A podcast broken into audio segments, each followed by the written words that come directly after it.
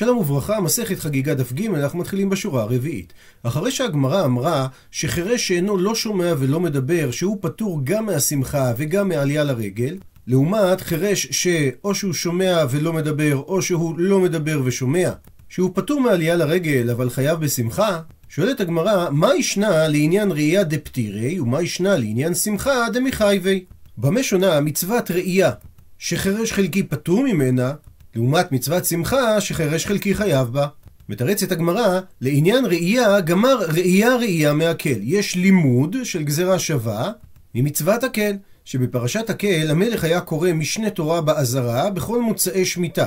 דהיינו בסוכות של השנה השמינית, כמו שכתוב מקץ שבע שנים במועד שנת השמיטה.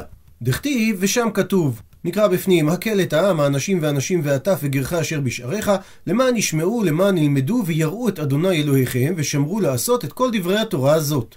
וכתיב בהמשך, נקרא בפנים, בבוא כל ישראל לראות את פני אדוני אלוהיך במקום אשר יבחר, תקרא את התורה הזאת נגד כל ישראל באוזניהם. והגזרה שווה נלמדת מזה שהתורה השתמשה במילה לראות, במצוות הקהל, ובעלייה לרגל כתוב שלוש פעמים בשנה ייראה. ושואלת הגמרא, והתה מנלן, ושם במצוות הקהל מהיכן אתה יודע שחירש חלקי מחויב בה? עונה הגמרא, דכתיב בפסוק שקראנו, למען ישמעו, למען ילמדו. ותניא, ושנינו על כך בברייתא, למען ישמעו פרט למדבר ואינו שומע, ולמען ילמדו פרט לשומע ואינו מדבר. ואומר רש"י שבשלב הזה הגמרא מבינה שמי שלא מדבר הוא לא ראוי גם ללמוד. מקשה הגמרא למימרא, אתה רוצה לומר, דכי לא משתאי לא גמר, שמי שלא מדבר גם לא מסוגל ללמוד? והא והרי, הנותרי אילמי, אותם שני אילמים, דהבו בשבבותי דרבי, שהיו בשכונה של רבי, והם היו בני ברטי, בני אחותו דרבי יוחנן בן גודגדה, ואמר לה, ויש אומרים שהם היו בני אחתי דרבי יוחנן. שהם היו האחיינים של אותו רבי יוחנן, דכל אימה דהווה איל רבי לבי מדרשה, שכל פעם שרבי היה מגיע לבית המדרש, הבו איילי ויתווי קמי, ומנדי ברשאיו, ומרכשין ספבותיו. הם היו נכנסים לבית המדרש, יושבים לפני רבי, מנידים את ראשיהם לסימן שהם מבינים, ומזיזים את השפתיים שלהם. ובאי רבי רחמי עליו, רבי ראה שהם כל כך מתאמצים ללמוד, אז הוא ביקש עליהם רחמים, ואיצו והם נרפאו, ואישתכח, ואז מצאו, דהבו גמירי הלכתה וספרה וספרי וכולי הש"ס. מצאו שכשהם היו אילמים, הם למדו את כל המשניות, וגם את מדרשי ההלכה. ספרה זה מדרש ההלכה על ספר ויקרא, ספרי זה מדרש ההלכה על במדבר דברים. ומהסיפור הזה אנחנו רואים שאילמים כן לומדים. אז כיצד דרשנו מהפסוק ולמען ילמדו ששומע ואינו מדבר פטור ממצוות הקהל? עונה על כך, אמר מר זוטרא, קריבי למען ילמדו. והרי אילם לא ראוי ללמד אחרים. רבשי אמר, ודאי שהתנא למד את זה מזה שכתוב למען ילמדו. הוא צורת הלימוד. וגם ללא הקושייה מהמקרה של האילמים, חייבים להסביר כך. דאיסא על כדעתך, כי אם היה עולה על דעתך לומר שהתנא למד מזה שכתוב למען ילמדו, דהיינו למידה עצמית, וכיוון דלא משתעי לא גמר, וכיוון שהאדם שהוא אילם הוא לא יכול ללמוד, שהרי שנינו כבר שמזה שכתוב למען ישמעו זה פרט למדבר ואינו שומע, ששם ברור שהטעם ש"וכיוון דלא שמע הוא לא גמר", הרי אם הוא לא שומע הוא לא יכול ללמוד, כי הוא לא מבין מה שמלמדים אותו. אבל אם כך, למה אני צריך לחזור על אותו עיקרון, שמי שלא יכול ללמוד פטור מהקהל? היי, הרי הלימוד הזה כבר נלמד מלמען ישמעו נפקא. ואם כך, לא ניתן לומר שהתנא חוזר על אותו עיקרון ולומד אותו מזה שכתוב למען ילמדו פרט לשומע ואינו מדבר. אלא ודאי מוכיח רב אשי שלמען ילמדו הוא. אלא בהכרח סובר התנא שמי שלא מסוגל ללמוד או בגלל שהוא לא שומע או בגלל שהוא לא מדבר, את זה לומדים מלמען ישמעו, ומי שלא מסוגל ללמד אחרים, את זה לומדים מלמען ילמדו. לימוד נוסף שנלמד בין הקהל לבין מצוות ראייה, אמר רבי תנחום, מי שחירש באוזנו אחת, פטור מן הראייה, שנאמר בהקהל, תקרא את התורה הזאת נגד כל ישראל באוזניהם. מה שאומר שמי שלא שומע בשני אוזניים אלא הוא חירש באוזנו אחת, יהיה פטור מהקהל, ובגזרה שווה למדנו שהוא גם יהיה פטור מראייה. מקשה על כך הגמרא, והי באוזניהם, הרי הלימוד של באוזניהם מבעילי הוא נצרך ללימוד הבא, באוזניהם דכולו ישראל, שכל ישראל צריכים לשמוע את המעמד. ואם כך, המילה באוזניהם לא פנויה למה שרבי תנחום רצה. מתרצת הגמרא, ההוא מנגד כל ישראל נפקא, הלימוד שכל ישראל צריכים להיות במעמד הקהל יוצא מזה שכתוב נגד כל ישראל. מקשה על כך הגמרא, אם מנגד כל ישראל, אם היינו לומדים את זה מזה שכתוב נגד כל ישראל, הווה אמינא, אז הייתי חושב, אף על גב דלא שמעי. כולם צריכים להיות במעמד, אבל אולי לא כולם צריכים לשמוע, לכן כתב רחמנה באוזניהם. שמדגישה התורה, והוא דשמי, שהם גם צריכים להיות בעל יכולת לשמוע את מה שהמלך קורא. ואם כך, המילה באוזניהם לא פנויה ללימוד של רבי תנחום. עונה הגמרא, ההוא, דהיינו, הלימוד שהם גם צריכים לשמוע את זה, נלמד מזה שכתוב למען ישמעו נפקא. ואם כך, המילה באוזניהם עדיין פנויה, שחירש באוזנו אחת, פטור מן הרקהל וממילא מן הראייה. ומביאה הגמרא הלכה נוספת, אמר רבי תנחום, חיגר ברגלו אחת, פטור מן הראייה. והמקור לכך שנאמר, שלוש רגלים ודורשים רגליים. מקשה הגמרא, והרגלים מבעלי, הרי זה נצרך להלכה אחרת, פרט לבעלי קבין, שזה אדם שנחתכה רגלו ונתנו קו קטן בסוף שוקו, ונותנים בו מוחין, וסומך סוף שוקו עליו, דהיינו פרוטזה. ומזה שנאמר רגלים, דורשים רגליים פרט לבעלי קבין. אז זה לא פנוי שנלמד מזה שמי שחיגר גם יהיה פטור מן הראייה. מתרצת הגמרא, ההוא מפעמים נפקא. ההלכה של בעלי קבין נלמדת מזה שכתוב שלוש פעמים. דתניא שכך שנינו בברייתא. על הפסוק שלוש פעמים בשנה, אין פעמים אלא רגליים. וכן הוא אומר, פסוק בישעיהו, תרמסנה רגל, רגלי עני פעמי דלים. ומהפסוק הזה אנחנו רואים שרגלי עני הם פעמי דלים, ואומר בפסוק בשיר השירים, מה יפו פעמייך בנעלים בת נדיב. ומזה שהפסוק חיבר את הפעמים עם הנעליים, זה אומר שבעלי מנעליים שייכים במילה פעמים. ולכן מי שאין לו נעליים אלא יש לו קו, הרי הוא פטור כי כתוב שלוש פעמים בשנה ייראה כל זכורך. וממילא המילה שלוש רגלים נשארת פנויה עבור מה שדרש רבי תנחום, שמי שחיגר ברגלו אחת פטור מן הראייה. ואגב שהבאנו את הפסוק בשיר השירים מה יפו פעמייך בנהלים בת נדיב, דרש רבא. מהי דכתיב, מה זה מה שכתוב מה יפו פעמייך בנהלים בת נדיב? והוא עונה, כמה נעים רגליהם של ישראל בשעה שעולים לרגל. ולמה נקט הפסוק את המילים בת נדיב? כי זה בתו של אברהם אבינו, שנקרא נדיב. זאת אומרת שהוא הנדיב הידוע. שנאמר, פסוק בתהילים, נדיבי עמים נאספו, עם אלוהי אברהם. ונדיבי עמים זה הגרים שמתנדבים מבין העמים לקבל עליהם עול מצוות, ואברהם הוא הנדיב הידוע על שם שנדבו ליבו להכיר בוראו. נשאלת השאלה, למה הפסוק אומר אלוהי אברהם? האם זה ולא גם אלוהי יצחק ויעקב? אלא שיש פה הדגשה, אלוהי אברהם שהיה תחילה לגרים. ומביאה הגמרא דרשה נוספת, אמר רב כהנא דרש רב נתן בר מניומי משום רבי תנחום. מהי דכתיב? כאשר האחים זורקים את יוסף והבור ריק אין בו מים, שהרי ממשמע שנאמר והבור ריק איני יודע שאין בו מים, אלא מים אין בו, אבל נחשים ועקרבים יש בו. ובדרך כלל אנחנו מציינים היכן נמצא המקום, אבל הבור שאליו נזרק יוסף נמצא בדותן, וכבר אמר על זה ז'אבו ארליך, שקשה מאוד לדעת מיקום של בור. על הדמיון ויכולת ההמצאה של המוסלמים גרם להם לקבוע שג'וב יוסף זה בור יוסף, מזוהה עם אתר ארכיאולוגי ברמת כורזים, שכמובן לזיהוי הזה עם הסיפור המקראי אין ולו קשר דל. ומביאה הגמרא תוספתא, תנו רבנן, מעשה ברבי יוחנן בן ברוקה ורבי אלעזר חיסמה, שהלכו להקביל פני רבי יהושע שהיה בפקיעין. עד היום ניתן לראות בפקיעין בית כנסת קדום עליו שומרת משפחת זינתי, ובמקום התגלו שני לוחות אבן עתיקים, באחד תבליט של מנורת המקדש למרגלותיה של המנורה שופר ומחתה מצידה האחד ולולב מצידה השני, ועל לוח האבן השני ישנו תבליט של שער מפואר, כאשר לצד השער שני עמודים ומעליהם מעין קונכייה. מקובל להניח שהתבליט מתאר ארון קודש, ושני הלוחות שולבו בתוך קיר בבית הכנסת. הם התגלו ב-1926 וב-1930. בבית הכנסת נמצאו גם שרידי ספר תורה עתיק שעל פי הערכה הגיע ביד פליטים שנסו מירושלים לאחר חורבן בית שני. בעבר הלא רחוק היה בארון הקודש ספר תורה עתיק בן מאות שנים שהיה כתוב על אור צבי. אז הם הלכו להגביל את פניו של רבי יהושע כי זה היה יום טוב וחייב אדם לכבד את רבו בהגבלת פנים. כמו שנאמר בספר מלכים, מדוע את הולכת אליו היום לא חודש ולא שבת? אז אמר להם רבי יהושע, מה חידוש היה בבית המדרש היום? אמרו לו, תלמידיך אנו, מימיך אנו שותים. ולכן אין לנו לדבר בפניך. אמר להם, אף על פי כן, אי אפשר לבית המדרש בלא חידוש. אז תגידו, שבת של מי הייתה? כי זה היה אחרי שקבעו שרבי אלעזר בן עזריה ידרוש שבת אחת ורבן גמליאל שלוש שבתות. אז הם עונים לו שזה היה שבת של רבי אלעזר בן עזריה הייתה. והוא ממשיך לחלוב אותם, ובמה הייתה הגדה היום? אמרו לו בפרשת הקהל. שואל אותם, ומה דרש בה? אז הם עונים לו שהוא דרש את הפסוק הקל את העם, האנשים והנשים והטף. וכך הוא דרש, אם אנשים באים למה? ללמוד. נשים למה הן באות? לשמוע. ובסוגריים אומר תוספות, שזה לא כמו הגמרא בירושלמי שמביאה את שיטת בן עזאי שאמר שחייב אדם ללמד ביתו תורה. כי אז נשים כמו גברים באות ללמוד. אבל הטף, למה באים? דרש רבי אלעזר בן עזריה כדי ליתן שכר למביאיהן. אז אמר להם רבי יהושע, מרגלית טובה הייתה בידיכם וביקשתם לאבדה ממני? וממשיכה הגמרא ועוד דרש, או שרבי אלעזר בן עזריה דרש, או שרבי יהושע דרש. את מה שכתוב, את השם האמרת היום, ובהמשך כתוב, והשם האמירך היום. כאשר המשמעות של האמרת זה שיבחת. שכך אמר להם הקדוש ברוך הוא לישראל, אתם עשיתוני חטיבה אחת בעולם. הוא מסביר רש"י חטיבה אחת במשמעות של שבח אחד, שבח מיוחד, לומר אין כמוך, ולכן בחרנו אותך לאלוה. ואני אומר השם, אעשה אתכם חטיבה אחת בעולם.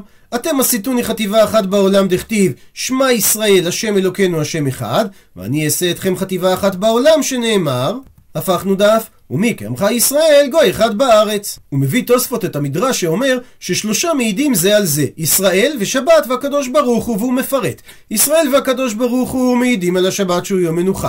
ישראל ושבת מעידים על הקדוש ברוך הוא שהוא אחד.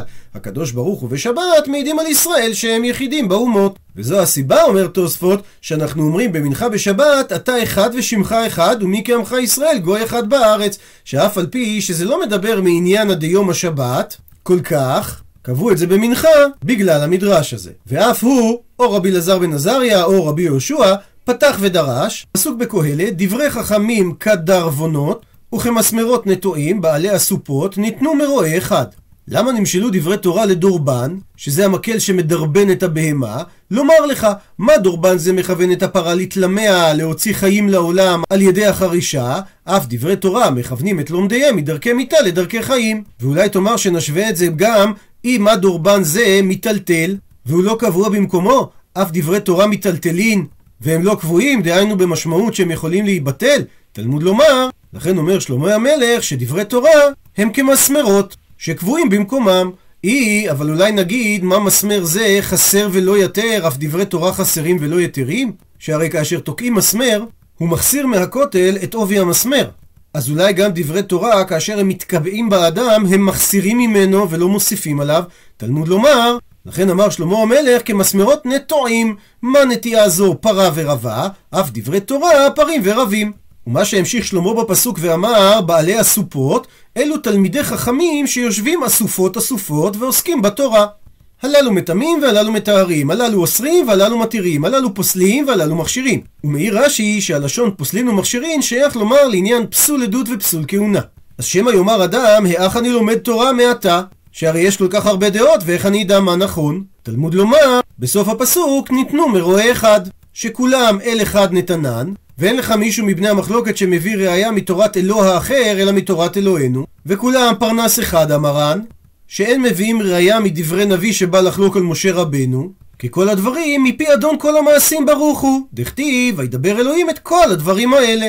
אז אף אתה עשה אוזנך כאפרכסת, וקנה לך לב מבין לשמוע את דברי המטמאים ואת דברי המטהרים, את דברי האוסרים ואת דברי המתירים, את דברי הפוסלים ואת דברי המכשירים. שמאחר שכל האסופות ליבן לשמיים, אז עשה אוזנך שומעת ותלמד ודע את דברי כולם, איזה יותר נכון תקבע הלכה כמותו. ואומר רש"י שהאפרכסת זה המשפך שדרכו מכניסים חומר לרחיים, זה מתאים למה שמכונה רחיים דה פומפי, רחיים שהיו מסובבים אותם באמצעות חמורים, והיה להם פתח רחב למעלה, שדרכו היו מכניסים את גרעיני התבואה. סיים את הגמרא, אמר להם רבי יהושע, אין דור יתום שרבי אלעזר בן עזריה שרוי בתוכו. ומקשה הגמרא, ולימו ליה בהדיא. למה הוא היה צריך לחלוב אותם? למה הוזקקו לומר לו תלמידיך אנו, ולא יכלו ישר לענות לו את מה רבי אלעזר בן עזריה דרש? עונה הגמרא כי הם פחדו משום מעשה שהיה, דתניא. שכך שנינו בתוספתא במסכת ידיים. מעשה ברבי יוסי בן דרומסקית שהלך להקביל פני רבי אלעזר בלוד. אמר לו רבי אלעזר, מה חידוש היה בבית המדרש היום? אמר לו רבי יוסי בן דרומסקית, נמנו וגמרו החכמים שעמון ומואב מעשרין מעשר עני בשביעית. כי את הארצות של עמון ומואב לא קידשו עולי גולה. דהיינו שעולי בבל קידשו חלקים קטנים יותר מאשר מה שהיה בכיבוש הראשון של עולי מצרים, ותקנו חכמים שמאותם חלקים שעולי בבל לא קידשו, ייתנו מעשר עני בשנת שמיטה. שומע את זה רבי אלעזר, אמר לו יוסי פשוט ידיך וקבל עיניך. ואומר על כך הבן איש חי בספרו בן יהוידע, יש מפרשים שגזר שיהיו נעקרים העיניים ממקומם ויקבל אותם ממש בידו, ויש מפרשים קבל, לשון חושך, שגזר שיחשכו עיניו בהנחת ידו עליהם, שימשך ויצא אור העיניים מהם כשיניח ידו שם. וזה הפירוש היותר מסתבר. ואומר רש"י שהוא העניש אותו כך כי הוקשה בעיניו שנתן עטרה לאותו דורש הלא מימות אנשי כנסת הגדולה הייתה תקנה זו. מספרת הגמרא שרבי יוסי בן דרומסקית פשט ידיו וקיבל עיניו ובחר רבי אלעזר ואמר סוד השם ליראיו ובריתו להודיעם אמר לו לך אמור להם אל תחושו למניינכם אל יהי לכם שום חשש וגמגום במה שמיניתם ותיקנתם, שהרי הסכמתם להלכה. שכך מקובלני מרבן יוחנן בן זכאי, ששמע מרבו, ורבו מרבו הלכתה למשה מסיני, שעמון ומואב מעשרין מעשר עני בשביעית. מה טעם? שכך תקנו, כי הרבה כרכים כבשו עולי מצרים ולא כבשום עולי בבל, ולמה הם לא כבשו אותם וקידשו אותם? היי, שקדושה ראשונה קידשה לישתה ולא קידשה לעתיד לבוא, ולכן והניחום עולי בבל כדי שיסמכו עליהם עניים בשביעית. הוא מסביר רש"י, קדושה ראשונה קידשה יהושע לישתה והוא לא קידשה לעתיד לבוא. דהיינו שכשגלו ישראל מארצם בטלה הקדושה, אבל קדושה שנייה כשעלו עולי בבל התקדשה לעולם, ולכן בשאר ארץ ישראל אין זריעה בשביעית, אבל עמון מואב הניחו אותם בני בבל מלקדשן כדי שיסמכו עליהם עניים בשביעית בלקט שכחה ופאה ובמעשר עני ולכן תיקנו להם שיהיו מעשרין מעשר עני. וממילא ברשות חכמים היה להטיל עליהם איזה מעשר שירצו לפי שאין שם חיוב מהתורה וממשיכה הגמרא תנא שנינו בברייתא שלאחר שנתיישבה דעתו של רבי אלעזר אמר יהי רצון שיחזרו עיני יוסי למקומן וחזרו. שואל הבן יהוידע למה הוא העניש רבי אלעזר את רבי יוסי בעיניו אדרבה, יותר נכון היה להענישו בפיו, למשל שהוא יהיה אילם, והוא הסביר לפי מה שרש"י אמר, שהוא העניש אותו על שנתן עטרה לאותו עניין, שהוא שיבח את החכמים בדבר שכבר פסוק ועומד מאנשי הכנסת הגדולה, וסנהדרין נקראים עיניים, וכיוון שנגע בדבר זה בכבוד הראשונים שנקראים עיניים, לכן הענישו בעיניו. והסיבה שאחר כך הוא בכה, כי הוא הרגיש שגברה מידת הגבורה באותה שעה בראותו שהענישו בעונש קשה ומר. לכך רצה למתק מידת הגבורה, כדי שיוכל להתפלל עליו לרפואתו. וידוע מה שאמר רבנו האריזל, דהבכייה ממתק את הדינים והגבורות. וממשיכה הגמרא ומביאה תוספתא ממסכת תרומות. תנו רבנן, איזה הוא שותה, שאומרים בכל מקום שהוא פטור מן המצוות ומן העונש ואין קניינו קניין ואין ממכרו ממכר, זה היוצא יחידי בלילה, והלן בבית הקברות, והמקרע את כסותו. ומביאה על כך הגמרא איתמר מחלוקת המוראים. רב הונא אמר עד שיהיו כולם בבת אחת. דהיינו, רק עד שיעשה את שלושת הדברים, גם לצאת יחידי בלילה, גם ללון בבית הקברות בלילה, וגם לקרוא את כסותו ללא סיבה. רבי יוחנן לעומת זאת אמר, אפילו באחת מהן, שאם הוא חוזר עליה שלוש פעמים, הוא בגדר שותה. ומקשה הגמרא, איך היא דמי? על איזה בדיוק מקרה דיברה הברייתא? אי דאביד לאו דרך שטות, אפילו בחד הנמי. אם מדובר שהוא עושה את הפעולות בדרך של שטות, וחוזר עליהם שלוש פעמים, הרי גם רב הונא יודע שהוא נחשב שוטה. ואי דלא אביד להו דרך שטות, אפילו כולו נמי לא. ואם אפילו שהוא יעשה את שלוש הפעולות, אבל יש לו סיבה לדבר, אז ודאי שהוא לא ייחשב שוטה. מתרצת הגמרא לעולם דכאביד להו דרך שטות. אכן מדובר שהוא עושה את הפעולות בדרך שטות. אבל בגלל שכל פעולה ניתן למצוא לה הסבר הגיוני, אז אפילו אם הוא חוזר עליה שלוש פעמים רב הונא אומר שהוא לא נחשב שוטה. פרט את הגמרא איך ניתן להסביר כל אחד מהמקרים. ועלן בבית הקברות, אימור, תגיד, כדי שתשרה עליו רוח טומאה ודכאביד. זה הסיבה שהוא עושה את זה. והיוצא יחידי בלילה, אימור גנדריפה סחדי. תאמר שיש לו חולי של דאגה, או שנתחמם גופו ויוצא למקום האוויר. והמקרע את כסותו, אימור, תאמר בעל מחשבות הוא. ומתוך שהוא שקוע בהרהורים הוא לא שם לב מה הוא עושה. ולכן, אם הוא עושה אחת מהפעולות הללו באופן קבוע, אומר הונא שהוא עדיין לא נחשב שוטה. אבל כיוון דאבדינו לכולו, כיוון שהוא עושה את כל שלוש הפעולות, הווה להו. הפכנו דף כמי שנגח שור חמור וגמל ונעשה מועד לכל. שאנחנו מסתכלים על המכנה המשותף, כמו שור שנגח שור חמור וגמל. אנחנו אומרים שהוא נעשה מועד לכל סוגי החיות, ואנחנו לא אומרים שהוא לא יהיה מועד עד שהוא ינגח שלושה מכל מין ומין. שבגלל שהמכנה המשותף שלו, שלא אכפת לו מה הוא נוגח, העיקר לנגוח, לכן הוא נחשב מועד. אף כאן יגיד רב הונא, לא באו שלושה דברים לידו בבת אחת, אלא כולן משום שטות.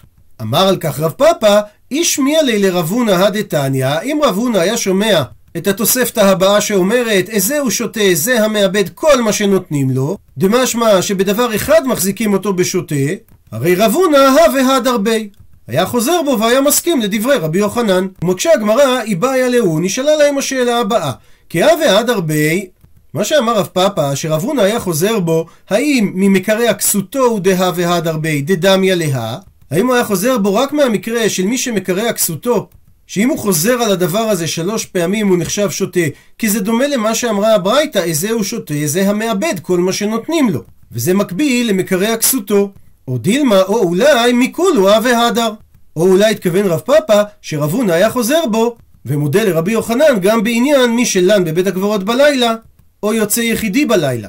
שאם הוא חוזר על אחד מהדברים הללו שלוש פעמים, הרי הוא שותה. ועל שאלה זו נשארת הגמרא בתיקו.